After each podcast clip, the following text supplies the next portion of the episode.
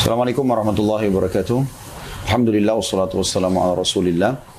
Uh, hari ini kita kedatangan seorang saudara kita, Georgia Ya. Romanov. Insya Allah akan syahadat dari agama Kristen Protestan. Dan kita akan saksikan proses uh, syahadat ini insya Allah. Dengan tujuan semoga Allah subhanahu wa ta'ala terima ini sebagai keislaman yang murni dan diberikan istiqamah. Saudara Georgie setelah masuk Islam insya Allah dan kami pun ikhlas dalam menyampaikan ini. Semoga ini bisa menjadi penyebab yang belum mendapatkan hidayah Islam bisa masuk ke dalam agama Islam. Namun sebelumnya insya Allah kita akan menanyakan beberapa pertanyaan yang mungkin itu bisa melegahkan saudara Georgi dan kita pun semua juga lebih tahu tentang masalah bagaimana seharusnya orang menganut agama Islam itu sendiri. Bisa begitu ya? Ya. Nah, jadi saya kembali ke pertanyaan. Boleh. Ya. Eh, Kira-kira eh, Mas Georgi mau masuk Islam karena apa? Oke, pertama memang karena mau nikah kan. And then uh, Bisa dikerasin sedikit suaranya. setelah itu dari situ bisa belajar bersama supaya lebih mengerti apa itu Islam. Hmm. Gitu sih. Jadi alasannya karena mau menikah dan nanti supaya bisa belajar bersama dengan Betul. istri gitu ya. Ya. Berarti menikah dengan muslimah. Betul. Ada alasan lain? Misalnya Ah, mayoritas keluarga. Mayoritas keluarga muslim. Muslim. Ya. Oh kalau gitu dulu bagaimana bisa sampai Kristen? Eh, dari eh, orang tua dulu muslim lalu sempat pindah ke Kristen tapi eh, dari saya pribadi memang eh, lebih memilih Berapa orang saudara dulu? Eh, tunggal Oh tunggal. Iya. Oh, umurnya berapa sekarang? 29 29. Kira-kira masuk Islam ini bukan karena ada unsur paksaan ya? nggak ada Murni sendiri. ya Oke, ada hal yang ingin saya titik beratkan supaya syahadatnya bisa berjalan baik insya Allah. Kalau eh, masuk Islam ya karena ada unsur tadi masalah mau menikah Ya. atau mungkin ada unsur ekonomi Ya. atau mungkin ada unsur politik karena takut butuh keamanan atau apa pun sifatnya maka saran saya itu di nomor dua kan ya di nomor satu Mas Georgie masuk Islam memang karena tahu Islam itu adalah agama pilihan oke Masalah belajar nanti itu gampang, itu akan belajar insya Allah. Tapi seseorang kalau masuk Islam dalam kondisi dia tahu kalau ini adalah kebenaran, maka itu akan lebih mudah dia untuk istiqomah. Artinya, jadi menikah tidak jadi menikah, eh, aman atau tidak aman, gitu kan? Terpenuhi ekonomi atau tidak, tetap saya akan menjadi seorang Muslim karena saya tahu ini adalah agama yang benar. Ya. Ada alasan saya sampaikan itu. Yang pertama sekali, karena memang Allah Subhanahu wa taala hanya menurunkan satu agama. Oke. Allah sebutkan dalam Al-Qur'an, "A'udzubillahi minasyaitonirrajim, innad dina 'indallahil Islam." Agama di sisi Allah hanya Islam. Jadi semua nabi-nabi itu adalah muslim. oke Kami tidak pernah sebagai seorang muslim mengetahui bahwa ada agama Yahudi, ada agama Nasrani karena itu adalah keyakinan saja. Ya. Agama di sisi Allah semuanya muslim. Kami yakin dan kita sebagai muslim yakin Musa itu adalah muslim. Isa adalah muslim. Kenapa? Karena definisi muslim atau Islam adalah orang yang beriman pada Allah dan beriman kepada semua yang Allah perintahkan. oke Jadi di zaman Nabi Musa alaihissalam yang beriman pada Allah dan beriman pada Nabi Musa dan beriman pada semua yang Nabi Musa ajarkan, maka dikatakan muslim. ya Ya. Terus berjalan sampai datang Isa alaihissalam. Isa yang beriman pada Isa berarti menyempurnakan keislamannya karena dia mengikuti menyempurnakan keimanan kepada Allah untuk mengikuti semua rasul. Yang menolak maka difonis kafir. Makanya orang-orang Nasrani mengatakan Yahudi kafir karena menolak Nabi Isa. Dan predikat Islam melekat pada pengikut Nabi Isa pada saat itu. Sampai datang Nabi Muhammad SAW, maka yang menyempurnakan keislamannya, mengimani semua nabi-nabi termasuk Isa, Musa dan nabi-nabi semuanya dilengkapkan dengan Nabi Muhammad SAW dikatakan Muslim. Itu sebabnya kenapa dikatakan kita ini orang Muslim. Artinya menyerahkan diri kepada Allah, beriman keberadaannya dan juga kepada semua rasul-rasul. Makanya kalau ditanya, apakah orang Muslim meyakini Isa sebagai Nabi? Ya. Bahkan kalau ada yang mengatakan Isa bukan Nabi, dia kafir. ya Gitu ya. betul Jadi ini hal yang mendasar sekali gitu. Jadi agama itu cuma Allah Subhanahu wa taala turunkan cuma satu. Makanya Nabi Muhammad SAW mengatakan "Eh, perumpamaan aku dengan nabi-nabi sebelumku ibarat seperti sebuah bangunan. oke Orang-orang mengelilingi bangunan tersebut dan mereka memuji bangunan itu. Indah sekali. Cuma mereka temukan ada satu tempat batu bata yang belum terisi. Maka mereka mengatakan, coba seandainya batu bata ini ditaruh, sempurnalah bangunan ini. Kata Nabi Muhammad SAW, akulah satu batu bata itu. Artinya beliau bukan membawa agama baru. Ya. Semua nabi-nabi sama. Cuman memang yang berbeda di dalam syariat penerapan hukum. Ya. Mungkin ada di nabi tertentu Allah turunkan itu boleh, di nabi yang selanjutnya Allah mengatakan tidak boleh. Oke. Tapi Tuhan mereka satu, agama mereka satu. Ya. Jelas itu. Jelas. Jadi itu itu dasarnya gitu, ya. Oke. Jadi ini bukan agama baru. Ini adalah agama semua nabi-nabi. Oke.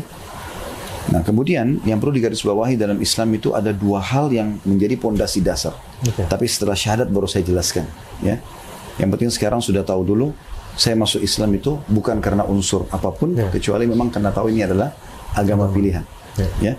Oke, saya akan pandu syahadat dulu diikuti dalam bahasa Arab kemudian dengan terjemahannya. Oke. Begitu itu mungkin saya butuh waktu 5 menit menyampaikan dua pondasi dasar.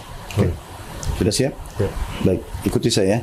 Asyhadu, Asyhadu kerasin sedikit suaranya. Asyhadu Asyhadu alla alla ilaha ilaha illallah illallah wa asyhadu wa asyhadu anna Anna Muhammadan Muhammadan Rasulullah. Rasulullah. Saya bersaksi Saya bersaksi tiada Tuhan tiada Tuhan yang berhak disembah yang berhak disembah kecuali Allah. kecuali Allah Dan saya bersaksi Kecuali- dan saya bersaksi bahwasanya bahwasannya Muhammad Muhammad benar-benar Benar-benar hamba hamba juga utusannya. juga utusannya. Alhamdulillah. Jadi dengan syahadat seperti ini, Mas Suji sudah dianggap sebagai seorang muslim. Dan ini menandakan juga bahwasanya masuk Islam bukan hal yang sulit. Oke. Mudah sekali. Oke, kita akan tutup insya Allah dengan dua pondasi dasar yang harus diketahui. Dan inilah Islam. Ya. Jadi kalau selama ini Mas Jody mungkin ada persepsi tentang Islam itu berat atau sulit atau apa, itu perlu diperbaikin. Jadi berlanjut dari pondasi ini, Mas Jody akan paham, oh Islam itu ini sebenarnya.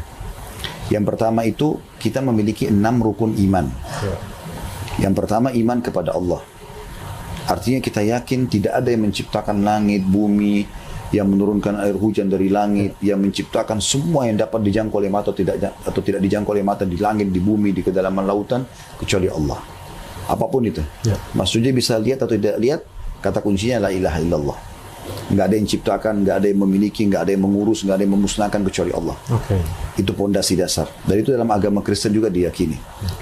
Yang kedua beriman tentang keberadaan malaikat. Oke. Jadi ada makhluk Allah yang tidak nampak, tapi kita yakin keberadaannya. Karena memang tidak semua yang kelihatan dengan tidak nampak tidak nampak dengan mata berarti tidak ada. Betul.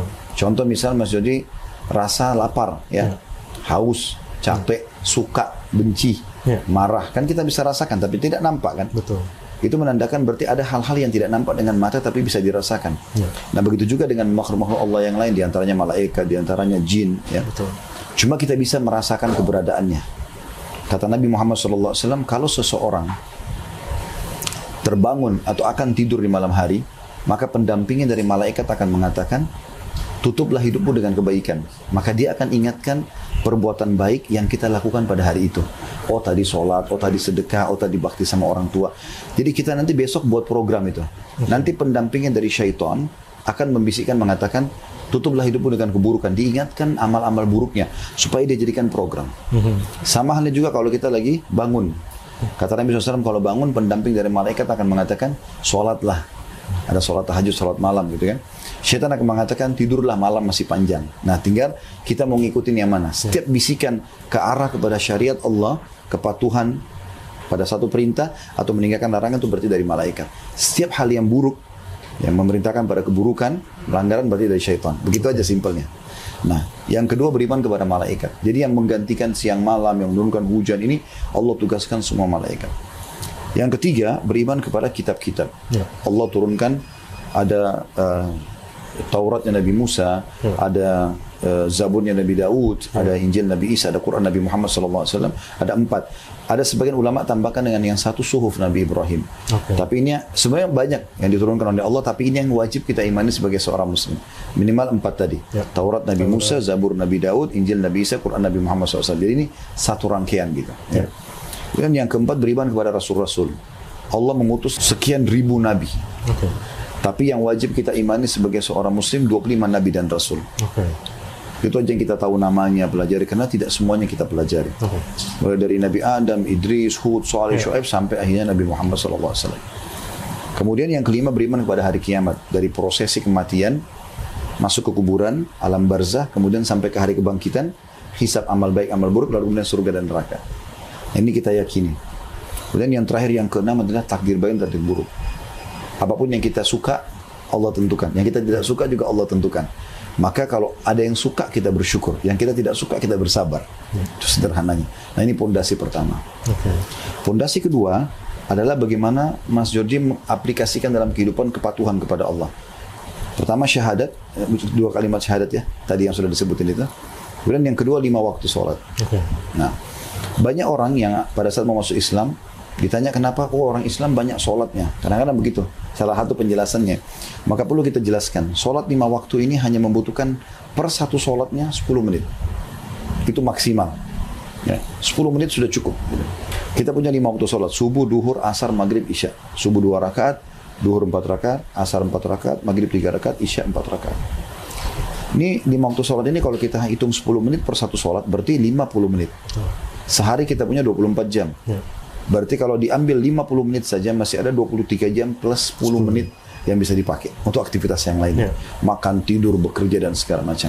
Jadi sebenarnya ini bukan beban, tapi ini absensi.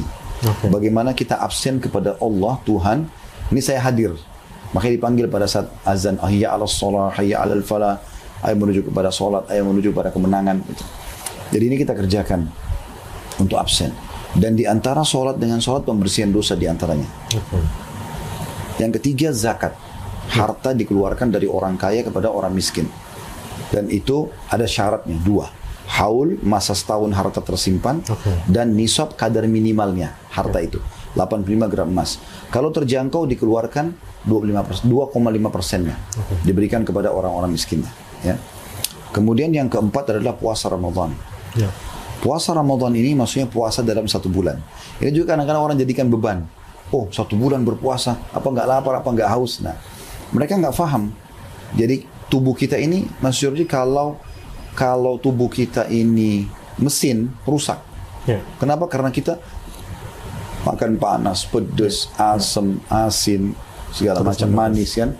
Dan kalau kita tidak istirahatkan, tidak diservis maka tentu akan jadi masalah. Betul. Sebenarnya 11 bulan kita dibolehkan untuk makan, minum dan segala macam. Satu bulan ini diistirahatkan. Ibarat seperti mobil diservis. Ya. Kalau sudah keluar dari tempat servis bengkel, gasnya diinjak sedikit saja sudah bagus. Ya. Suaranya jadi nggak meraung segala macam. Nah itu seperti itu sebenarnya puasa. Puasa itu sedang mengerok sisa-sisa makanan dan segala macam karena kita lagi terapi untuk itu. Ya. Jadi usus mengecil kembali, jadi sehat. Jadi puasa itu sebenarnya kesehatan, bukan beban gitu. Apalagi kita cuma disuruh tidak makan dari habis subuh sampai maghrib. Setelah itu kita boleh makan. Ya. Kemudian yang terakhir haji. Ke rumah Allah di Mekah dengan ada tata cara sendiri, itu nanti ada penjelasannya insya Allah. Tapi ini bagi yang mampu, sekali seumur hidup. Nah kalau kita lihat kelima rukun Islam, pondasi kedua ini semuanya semua, sebenarnya semuanya ringan. Syahadat tadi sebentar, kurang dari setengah menit selesai. Kan? Tinggal bagaimana kita meyakini la ilaha illallah itu benar, tidak ada Tuhan yang berhak disembah kecuali Allah dan mempelajari Muhammad sallallahu alaihi wasallam sebagai utusan Allah. Terus lima waktu sholat sudah saya jelaskan tadi. Ya. Dari 24 jam cuma 10, 50 menit. 50 menit. Zakat setahun sekali dan bagi yang mampu juga memenuhi syarat. Puasa Ramadan setahun sekali. Itu pun dalam 11 bulan kita bebas makan ya, kecuali mau puasa sunnah ini sebulan. Haji terakhir sekali seumur hidup. Oke. Itu pun bagi yang mampu. Jadi ini Islam. Kalau Mas Jordi amalkan ini saja, udah cukup. Sudah dikatakan Muslim, meninggal pun sudah bisa masuk ke dalam surga. Oke. Itu saja. Dan insya Allah ke depannya nanti ada Akh Imran. Ya. Kita ada Mu'allaf Care bisa bergabung untuk belajar. Nanti insya Allah sama istri. Kalau ada keluarga, ada teman yang mau diajak. Kita ada pengajian rutin. Habis ini juga ada pembagian buku bisa dipelajari. Saya sangat berharap Mas Yudi setelah masuk Islam ini, insya Allah lebih mencintai agama ini sebagai sebuah panduan hidup. Jadi bukan tadi karena ada unsur pernikahan itu nanti di nomor dua kan. Ya. Karena sudah muslim saya juga mau selamat untuk saya nikah dengan seorang muslim akan itu gitu. Ya. Ya. Oke. Banyak, Itu insya Allah yang saya sampaikan. Lebih lanjutnya insya Allah bisa nanti berhubungan sama teman-teman di Wa'alaf Care ya. Ini ada sedikit eh, souvenirnya yang kita kasih. Insya Allah di dalamnya ada buku ya, beberapa buku-buku yang bisa dibaca Baca. insya Allah. Dan kalau mau diikutin eh, di YouTube kita insya Allah ada kajian-kajian sebagiannya ya. Ini untuk belajar Al-Quran Oke. ada dengan terjemahannya bisa dibaca. Ya. Ini juz 30 juz terakhir dalam Al-Qur'an berisi surah-surah pendek. Lebih simpel untuk bisa diketahui. Ada kiat-kiat untuk istiqomah bagaimana caranya supaya bisa setelah masuk Islam ini tetap konsisten dalam keyakinan ini. Ya. Ini kalau sudah menikah, wanita butuh panduan untuk haid, nifas dan sebagainya. Ada hukum sendiri dalam Islam. Eh, termasuk kalau sudah menikah tentu tidak boleh menggauli istri pada saat haid dan nifas. Ya itu ada hukum-hukum sendiri. Ini juga masih berhubungan dengan masalah wanita. Ya. Perlu Mas Yodi tahu untuk memandu nanti istri. Ya. Ini bimbingan Islam pemula. Oke. Seperti sekarang baru masuk Islam apa sih yang saya mau tahu? Nah ini simple nih. Mudah disaku bisa dibaca setiap saat. Ini kenapa kalau istri nanti disuruh berhijab Oke. demi untuk kebaikan dia dan kebaikan suami sehingga dia lebih terjaga yang boleh dinikmati hanya suami saja. Ya. Ini ada zikir yang dianjurkan untuk dibaca setiap pagi dan petang. Oke. Ini sebagai zikir itu artinya kita mengingat Allah, menyebut-nyebut Allah. Ini ada tentang masalah akidah, ya, eh, keyakinan. Seperti yang kita jelaskan la ilaha illallah Muhammad Rasulullah seperti apa sih memahaminya ini semua simpel-simpel ya ini juga tuntunan praktis bagaimana kita bermanhaj artinya bagaimana kita memiliki sebuah retorika dalam hidup yang jelas ya apa itu sunnah Oke. Nabi SAW dijelaskan secara gamblang, mudah dan menarik, simpel. Ada kumpulan doa, kurang lebih 132 doa. Doa dari bangun tidur sampai tidur lagi. Oke. Ini masih panduan untuk istri, wahai muslimah inilah surgamu. Ini hakikat dan konsekuensi dari syahadat tadi yang baru diucapkan. Isinya apa saja? Ini tata cara sholat Oke. yang benar. Kurang lebih ini insya Allah gambaran eh, yang kita kasih sementara. Selebihnya insya Allah nanti bisa lebih dipandu ya. Ya. Baik, saya ucapin selamat insya Allah. Kalau berminat untuk saya berikan nama, maka saya mungkin memberikan nama Ahmad ya. Boleh. Terima kasih, Bang. Eh, yang selamat ya. Ya, insya Allah. Baik, antum pandu aja. Ya. Kita tutup dulu. Assalamualaikum warahmatullahi wabarakatuh.